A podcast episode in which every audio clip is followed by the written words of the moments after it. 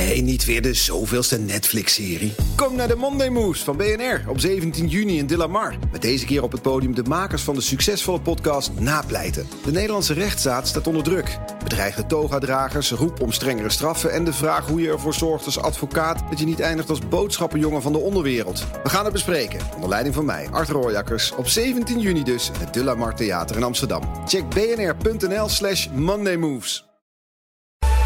BNR Werkverkenners wordt mede mogelijk gemaakt door BrainNet. BrainNet voor zorgeloos en professioneel personeel inhuren. BNR Nieuwsradio. BNR Werkverkenners. Bij BNR Werkverkenners deze zomer een bloemlezing uit de beste uitzendingen die we het afgelopen seizoen hebben gemaakt. De uitzending over flexwerkers was een ware zoektocht. Want hoe kan het nou zo zijn dat sommige flexwerkers minder verdienen dan iemand die hetzelfde werk in vaste dienst doet? Hoe zit dat precies? En moeten flexwerkers evenveel verdienen als vaste krachten? BNR Werkverkenners. Met Rens de Jong. En de eerste die mij helpt met mijn onderzoek. Ik ben Paulien Ossen. Ik ben uh, directeur stichting uh, Loonwijzer. Uh, dat is een site in Nederland met 800.000 bezoekers per maand. Die zeg maar loon- en arbeidsrecht checken, CO's ook. datzelfde concept hebben we in 92 andere landen in de wereld. Ze zegt dat haar stichting waanzinnig veel salarisvragen krijgt van flexwerkers. Maar dat is ook logisch, want alle zeg maar lonen of salarissen van mensen die er 10 of 20 of 30 jaar zitten, dat is natuurlijk wel redelijk oké. Okay. en dan heb je een HR afdeling die hun helpt en zo. Dus dan gaat het goed. Uh, maar ieder ander, en er zijn er nogal veel in Nederland, uh, die komt bij ons terecht. En daarom is de conclusie? Wij hebben over een jaar tijd hebben we eigenlijk de hele uh, arbeidsmarkt wel op bezoek. En niet alleen vragen van tarieven, maar ook dat ene hete hangijzer. De flexwet is een, nou, het is een beetje een dingetje, zou ik maar zeggen. Heb ik wel eens gehoord, ja. Ik onderzoek vandaag of flexwerkers evenveel moeten verdienen als vaste krachten. Nou, dan moeten we eerst even weten hoe ze er eigenlijk voor staan. De cijfers van de Stichting Loonwijzer. Daaruit blijkt dat flexwerkers minder goed verdienen. Paulien. Wat wij zien is dat ze minder verdienen. En dat heeft ook vooral met de crisis te maken. Uh, we kunnen wel denken dat we er helemaal uit zijn uit die crisis. Maar het feit dat we waanzinnig veel ZZP'ers hebben, meer dan in menig ander land, betekent meer dat mensen iets doen wat ze eigenlijk als ze iets hadden mogen kiezen, hadden ze misschien niet gedaan. En welke sectoren zie je dan het meeste verschil? Je ziet verreweg, de, waar hebben we het over? De journalistiek zie je, zie je meer freelancers dan, dan ooit uh, tevoren. Maar je ziet het ook in de hele culturele sector, is, is gigantisch. Maar je hebt nu nieuwe sectoren erbij. Of het nu de post is of de. Bedoel, vroeger was het ondenkbaar dat de post uh, zelfstandigen had. En dat is, dat is nu wel zo. Um, en je ziet het in de gezondheidszorg. Was vroeger ook ondenkbaar uh, dat mensen daar ondernemer waren. Uh, of zelfstandigen waren. Nu zijn ze dat wel. Oké, okay, er zijn meer uh, flexibele ZZP'ers, maar verdienen die ook daadwerkelijk minder? Ja. Hoeveel dus als minder? zij. Percent, heel precies kan ik dat nu niet zeggen. maar in de bulk verdienen zij allemaal minder. Ook als je kijkt naar zeg maar, de ouderwetse CO-lonen, uh, met een pensioen erbij en uh, zeg maar allemaal regelingen voor als je ziek bent en zo, heb je natuurlijk als een zelfstandige niet. Uh, dus je moet het zelf regelen. dan betekent dat de verpleegkundige die voor zichzelf gaat werken, die moet al meer verdienen, wil zij nog tot een fatsoenlijk pensioen gaan, gaan komen. Nou, forget it, dat heeft ze niet. Hm. Um, waar ligt dat eigenlijk aan? Um, je zou, het hangt er vanaf welke politieke richting je neemt. Dan je neem, zeggen, neem ze allebei. Uh, ja, je kan zeggen zwakke bonden. Uh, bonden die daar wat harder uh, voor vechten. Dat er betere omstandigheden zijn voor mensen die werk doen. Wat eigenlijk geen ondernemerswerk is, maar loondienstwerk of team, teamwork. Daarvan zou je kunnen zeggen dat het zo is. Nederland is een flexland. daar zijn we gewoon heel goed in. En al die dingetjes, die trucjes bedenken om het nog flexibeler, slimmer te maken. mensen praten zichzelf misschien aan dat ze het leuk vinden om ondernemer te zijn. Uh, terwijl ze dat dan uh, op de keper beschouwd echt helemaal niet zijn. Ja. Of ze onderhandelen gewoon slecht. Uh, maar denk je dat ze in Nederland slechter onderhandelen dan in Togo? Of, ik weet het niet. Dat, maar ik, denk, ik denk dat we, laat ik zo zeggen. Vrouwen ik, in de regel zijn niet zo goed in onderhandelen, dat nee. weten we. Oké, okay, dus vrouwen hebben het nog slechter Hebben het nog slechter dan mannen? Vrouwen zijn niet zo goed in onderhandelen. En die zeggen al lang uh, van als ik het maar kan combineren met de rest. En als ik maar tevreden ben. En als ik maar een beetje zelfregeltijd heb. Opdat ik ook de rest van mijn klus die ik ook moet doen. Het huis regelen. Uh, als ik dat maar kan doen. En dan zijn ze al tevreden. Wat natuurlijk ook een punt is. Uh, tevreden zijn is misschien soms belangrijker dan een fatsoenlijk inkomen hebben. Behalve wanneer je oud bent en erachter komt dat je ontzettend arm bent. Ja, um, maar dan mijn punt over onderhandelen. Um, je zou ook kunnen zeggen. Voorbeeld aan dit. Als ik een mobiele telefoonabonnement wil afsluiten. Als ik twee jaar vast lig. Dan, dan betaal ik minder dan dat ik iets flexibel heb. Nou zie ik mezelf als werkgever. Als ik iemand flexibel inhuur, betaal ik minder. Terwijl als ik iemand dus twee jaar vastneem, betaal ik meer. Ik vind dat een gekke. Ik snap dat niet. Als ik in mijn eigen praktijk kijk, dus ook als werkgever, dan uh, wil ik best uh, zeg maar een hoog tarief betalen, maar alleen als het verdomd uniek is. Ja. Uh, en heel erg goed is. en dat doen we dan ook. Dan doen we, zeg maar, we, we hebben mensen die we echt hoge uurtarieven geven, omdat we weten dat het zeer specifiek is en we kunnen het direct gebruiken voor al die landen. Perfect. Maar kom maar niet aan boord met, met, met ik was vroeger belangrijk en daar moet ik nu een heel hoog tarief hebben. Mm -hmm. dus als werkgever vecht ik terug. Ja. Uh, dus wil ik het alleen maar als het echt bijzonder is. En, en, dus, en de flexkrachten zijn niet altijd bijzonder. Ah, dus zeg jij, uh, ook een van de redenen waarom die flexkrachten eigenlijk geen onderhandelingskracht hebben, is omdat ze niet iets unieks bezitten. Klinkt hard, maar het is wel zo. Natuurlijk, uh, met permissie, we kunnen natuurlijk niet elke flexkracht over, uh, over één kam scheren. Maar in, fundamenteel vind ik het ja. Uh, dus je kan een flexkracht zijn en verdomd goed, dan, uh, dan heb je positie. Ja. En anders, uh, ja, er staat naast jou ook iemand die ook, ook wel pannenkoeken kan bakken. Nou moeten we wel even één onderscheid maken tussen flexibele werkers. Want je hebt mensen met een flexcontract en je hebt ZZP'ers. Beide worden anders betaald. Jurien Koops, directeur van de Algemene Bond Uitzendondernemingen, zegt dat bedrijven verplicht zijn om werknemers met een flexcontract evenveel te betalen als met een vast contract. Nou, je mag geen onderscheid maken. Er ligt zelfs een wettelijke bepaling die zegt dat je geen onderscheid mag maken tussen mensen in bepaalde dienst en mensen in onbepaalde dienst. Dat is een wettelijk voorschrift, komt uit Europa overwaar, is een richtlijn voor. Dat betekent dat je mensen ook gelijk moet behandelen, dus ook qua arbeidsvoorwaarden gelijk moet behandelen. Maar er zullen zeker verschillen zijn. Uh, maar voor ons in de sector betekent het dat je alleen betaalt voor de productieve uren die iemand levert. En dat maakt dat het voor de opdrachtgever aantrekkelijk is. Want ja. het wordt vaak gezegd dat ze flex inhuren omdat het goedkoper is. Maar het is niet omdat het goedkoper is, het is omdat het uiteindelijk die opdrachtgever ontzorgt. Het is omdat het flexibiliteit biedt. En uh, als je iets zou willen doen aan de balans in de arbeidsmarkt, dan is het veel meer het uh, aantrekkelijker maken van het vaste contract. Dan het duurder willen maken, want dat is eigenlijk de vraag die eronder zit, van het flexcontract. Kortom, als we het hebben over tarieven voor flexwerkers of ZZP'ers, zit daar een groot verschil. De ZZP'er is niet beschermd en daar concentreer ik me verder op. Ik ken wel iemand die me daar meer over kan vertellen. Ja, ik ben uh, Tjebbe van Oosterbrugge, werk bij Brainet. Dus mijn uh, bedrijf op het gebied van uh, het ontzorgen van klanten op het gebied van inhuren van flexarbeid. Um, Tjebbe, even. Ik maak deze uitzending van BNR Werkverkenners. Ik ben ZZP'er. Ik dien een rekening in bij BNR. Jullie zijn de sponsor?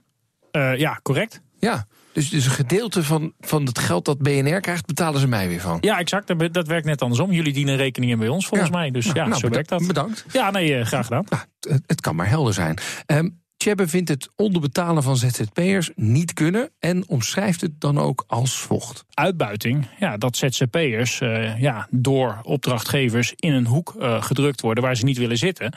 Uh, en uh, dat hun ja, zwakke positie ja, wordt uitgebuit. En van die ZZP'ers, hoeveel procent zit in zo'n benauwde, benarde positie? Ja, dat is een goede vraag, maar dat, dat weet eigenlijk niemand. En uh, uh, toevallig rondom de wet DBA is daar onderzoek naar gedaan, is dat uh, gepoogd te becijferen.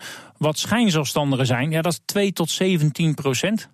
dus ja, dat is, dat is echt wel vrij.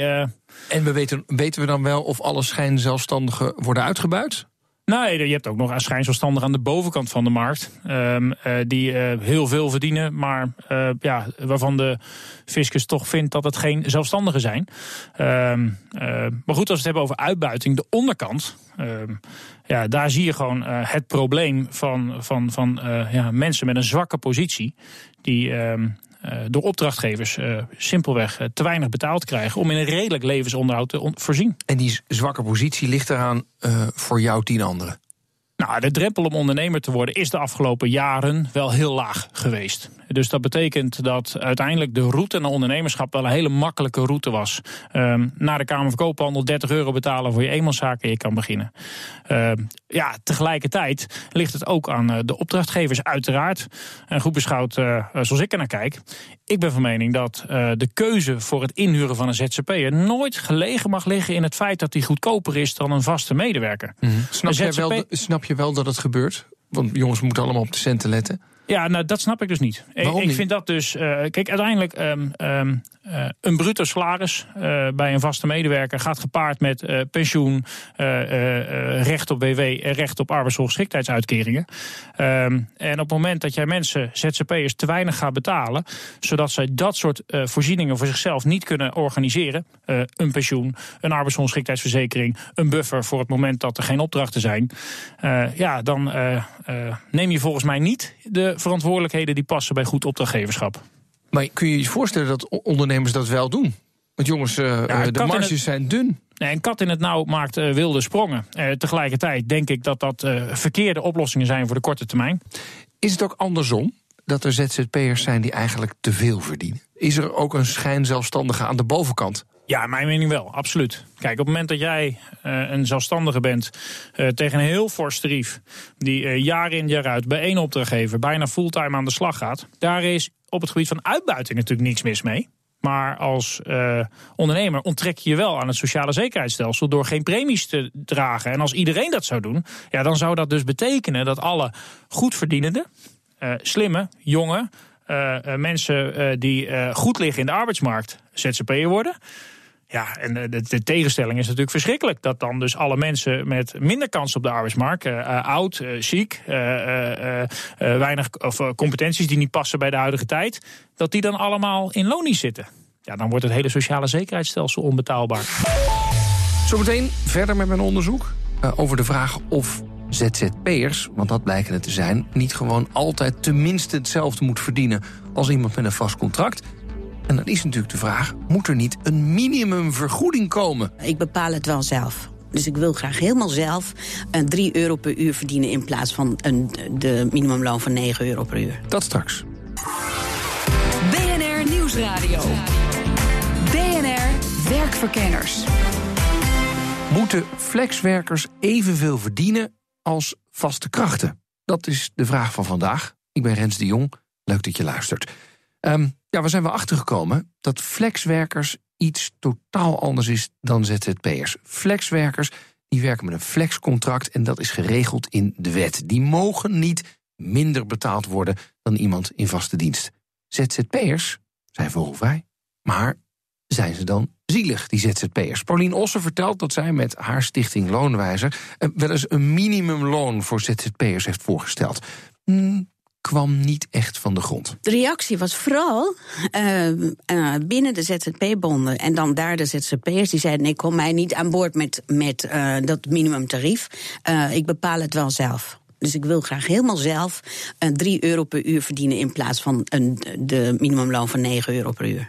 Dus die wilden niet die uh, vloer, die beschermende vloer erin hebben. En waarom eigenlijk niet zo? Uh, een vermeend soort idee van dat je uh, vrij bent, zelfstandig kunt onderhandelen. Dat je dat als ondernemer wel kunt. Terwijl jij zegt, dat kan je helemaal niet in heel nou, veel we gevallen. zien dat het dus vaak niet gebeurt. Maar, maar je hebt het elke keer over voor 3 euro per uur werken. Dat, dat, dat meen je toch niet? Nou ja, mensen die uh, niet 40 uur werken, maar uh, 60 of 70 om nog steeds aan een, uh, hun huur te kunnen betalen, die, als je dat doorrekent, verdienen ze dus niet 10 euro, euro of 15 of 20 euro per uur, maar 3 of 4. Dus dat is het. Ook dus die draaien zoveel meer uren om überhaupt nog tot iets te komen. Um, hebben we hier te maken met een groot probleem? Nou ja, de dingen zijn altijd relatief. Ik, was eergisteren nog in, de, in Jakarta. Dat is een stad die voor de helft om, om, onderloopt. Dat is, dat is een ander probleem. hè? Uh, dus, dus ja, wat hebben, is, hebben wij hier een luxe probleem? Um, in, in Nederland. Ik denk van wel, want je hebt uh, met heel erg veel ZZP'ers uh, te maken. waarvan een deel zegt van. Ik wil dit eigenlijk helemaal niet.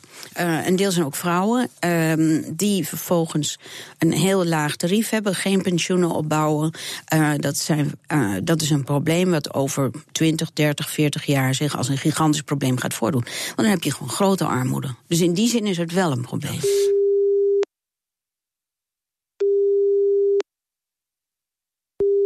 Met Gerard Boot. Gerard Boot is hoogleraar arbeidsrecht aan de Universiteit van Leiden. En hij was voorzitter van de commissie Modelovereenkomsten ZZP'ers.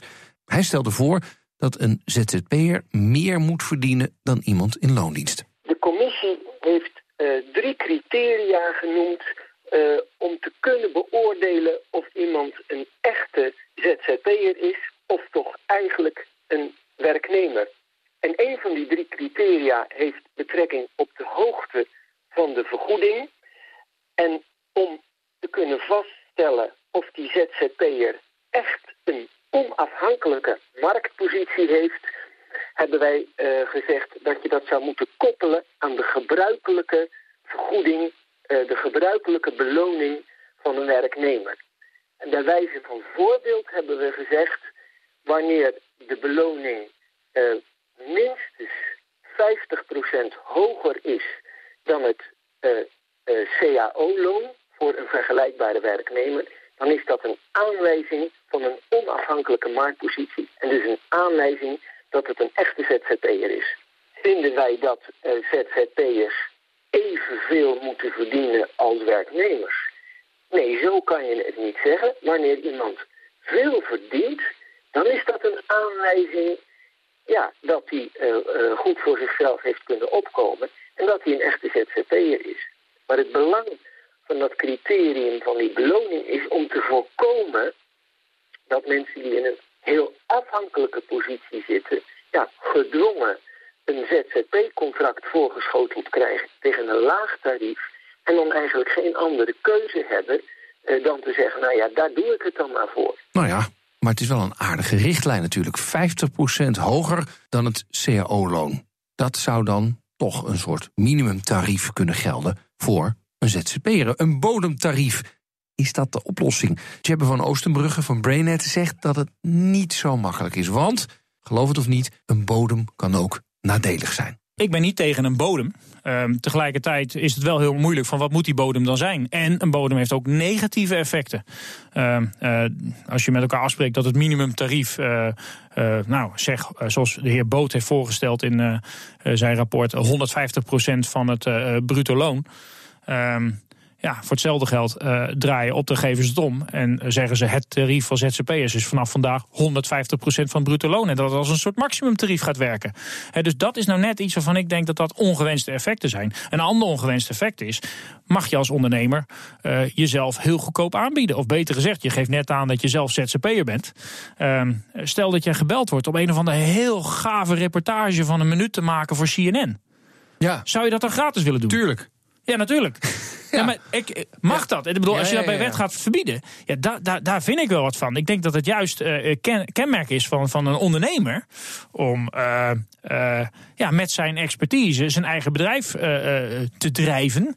Um, en ja, dat kan best betekenen dat je soms dingen onder kostprijs doet. Maar goed, op het moment dat een opdrachtgever daar misbruik van gaat maken en uiteindelijk dat voor gewoon gaat vinden, ja, jij gaat natuurlijk niet fulltime gratis voor, voor werken. Nee, zelfs ik niet. Maar dan is de vraag, aan welke knop gaan we dan draaien? Gaan we dan toch bijvoorbeeld zo'n minimumtarief instellen? Of ga je zeggen, nee, je moet de nepondernemers eruit halen?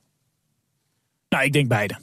Ik denk dat je uh, de nepondernemers er moet uithalen door handhaving uh, uh, gericht op die plekken waar de grootste risico's zitten in te zetten. Ehm, ja, en anderzijds uh, kan je best uh, afspreken met elkaar. Ehm, en dat is denk ik vooral ook een politieke vraag of we daartoe kunnen komen. Met elkaar afspreken dat je onder een bepaald minimum niet uh, structureel uh, mensen mag inhuren. Uh, net zoiets als het minimumloon.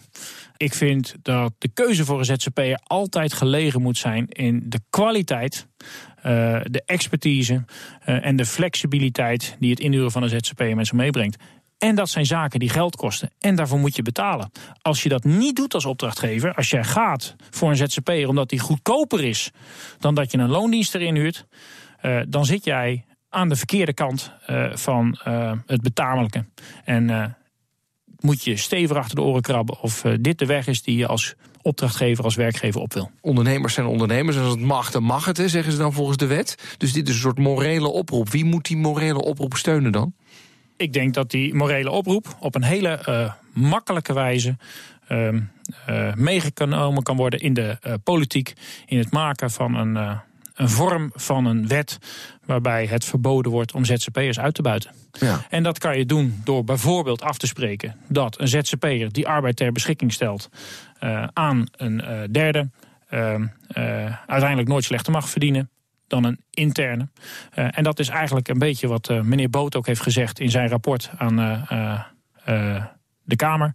Waarbij Boot zegt dat er een soort bodem ligt van 150% van een bruto loon. En in die extra 50% zit dus ook de werkgeverslasten die een werkgever zou hebben om. Uh, sociale verzekeringspremies af te dragen, uh, een pensioenvoorziening te treffen enzovoorts. Oproep aan de politiek, dit moet in het regeerakkoord komen, hoor ik jou zeggen. Oh ja, zeker. En nou maar hopen dat ze luisteren in Den Haag. Nog één keer naar Paulien Ossen van de Stichting Loonwijzer. Zij ziet een oplossing meer in het soort contracten voor ZZP'ers en flexers. Want die moeten namelijk meer zekerheid gaan bieden aan werkgever en werknemer. Denk even aan al die ZZP'ers die nu zogenaamd voor hun eigen toko iets aan het doen zijn.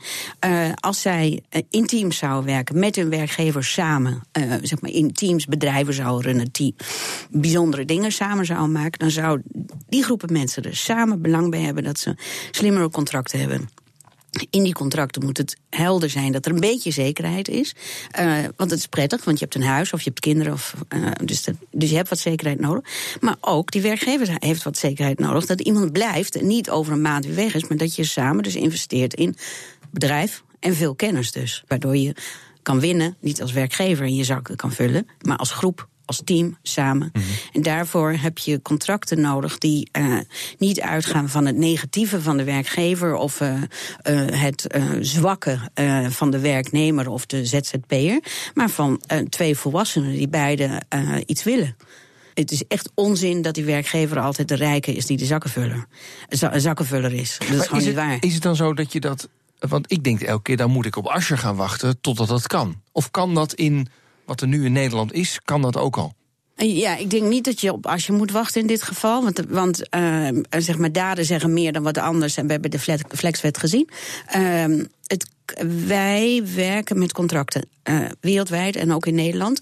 En er zijn contracten die uh, oké okay zijn. We, we, hebben de bonden die zitten dichtbij en die kijken naar ons. We hebben eindeloos veel auditors die naar ons kijken. Dus in die zin mag je van me aannemen dat die contracten oké okay zijn en kloppen. Mm -hmm. Daarin kan je uh, met mensen samenwerken die wij zeg maar in de terminologie ZZP'er zouden noemen. Maar er zijn mensen die over langere periodes met ons werken. die heel zelfstandig werken, die heel ondernemend zijn zelf nieuwe dingen bedenken. Maar niet als individuen, maar vaak als groepen. Uh, en dat is vrij logisch, want als je in een grote tent werkt, dan werk je niet op je eentje als ZZP'er, maar ja. dan werk je met elkaar. En, en nooit dan de verleiding om te zeggen, nou, ik, ik, ik, ik zou nog wel even de duimschroeven kunnen aandraaien hier. Nee, dat is stom. Want? Um, het heeft helemaal geen zin om uh, uh, zeg maar vanuit die distrust te werken. Van uh, ik ben hier de baas en jij moet doen wat ik, wat ik zeg. want vanuit die, die optiek gaan mensen echt niet harder lopen. Gaan ze gewoon eerder weg. en dat is als je dat niet wil, dan moet je dat niet doen. Dus dan moet je normaal met elkaar omgaan en geven wat, wat oké okay is. Ja. En wat kan. Mijn opa zei altijd, was boer en bracht zijn koe altijd naar de slager toe. Die zei, je moet er altijd wel een randje vet op laten zitten voor de ander. Want anders koopt, koopt hij nieuwe bij je terug. Ja. ja. Ik bedoel, het platte uitbuiting is stom. Ja. Doen we dat met flexers in Nederland dan? Ik denk het wel. En de flexers zelf uh, worden ook uitgebuit. Dus die zouden met elkaar moeten opstaan en zeggen van wij willen dit uh, uh, beter hebben. En bedoel, wij, je hebt de opstand gehad van allemaal leraren die zeiden van ja, maar ik wil langer hier werken, dat mag niet. Bedoel, die hadden echt wat harder moeten vechten. Kom on, het is te gek dat dit gebeurt in zo'n land. BNR Werkverkenners. De conclusie. De vraag deze week was: moeten flexkrachten evenveel verdienen als mensen in vaste dienst? Nou, heb je een flexcontract, dan is dat bij wet geregeld en moet je sowieso evenveel verdienen als iemand met een vast contract. Bij ZZP'ers is het anders. Die mogen hun eigen tarief bepalen. Moet er dan een wettelijk verbod komen tegen het uitbuiten van ZZP'ers? Het zou kunnen, maar de echte ondernemers, de echte ZZP'ers, die tref je dan wel weer midden in hun onderneming. Want ze mogen bepaalde dingen niet meer voor minder doen. En een systeem op basis van vertrouwen met meer contractvormen kan voor meer zekerheid zorgen voor flexers, ZZP'ers, maar ook voor mensen die mensen in dienst nemen. Blijf op de hoogte via onze LinkedIn-pagina BNR Werkverkenners. En onze afleveringen vind je terug via de podcast, iTunes of eventjes via de app van BNR. Tot volgende week. BNR Werkverkenners wordt mede mogelijk gemaakt door BrainNet. BrainNet voor zorgeloos en professioneel personeel inhuren. Ook Harm Edens vind je in de BNR-app. Je kunt BNR Duurzaam niet alleen live luisteren in de app, maar ook terugluisteren als podcast, zoals al onze podcasts. En naast dat de BNR-app Breaking News meldt, houden we je ook op de hoogte van het laatste zakelijke nieuws. Download nu de gratis BNR-app en blijf scherp.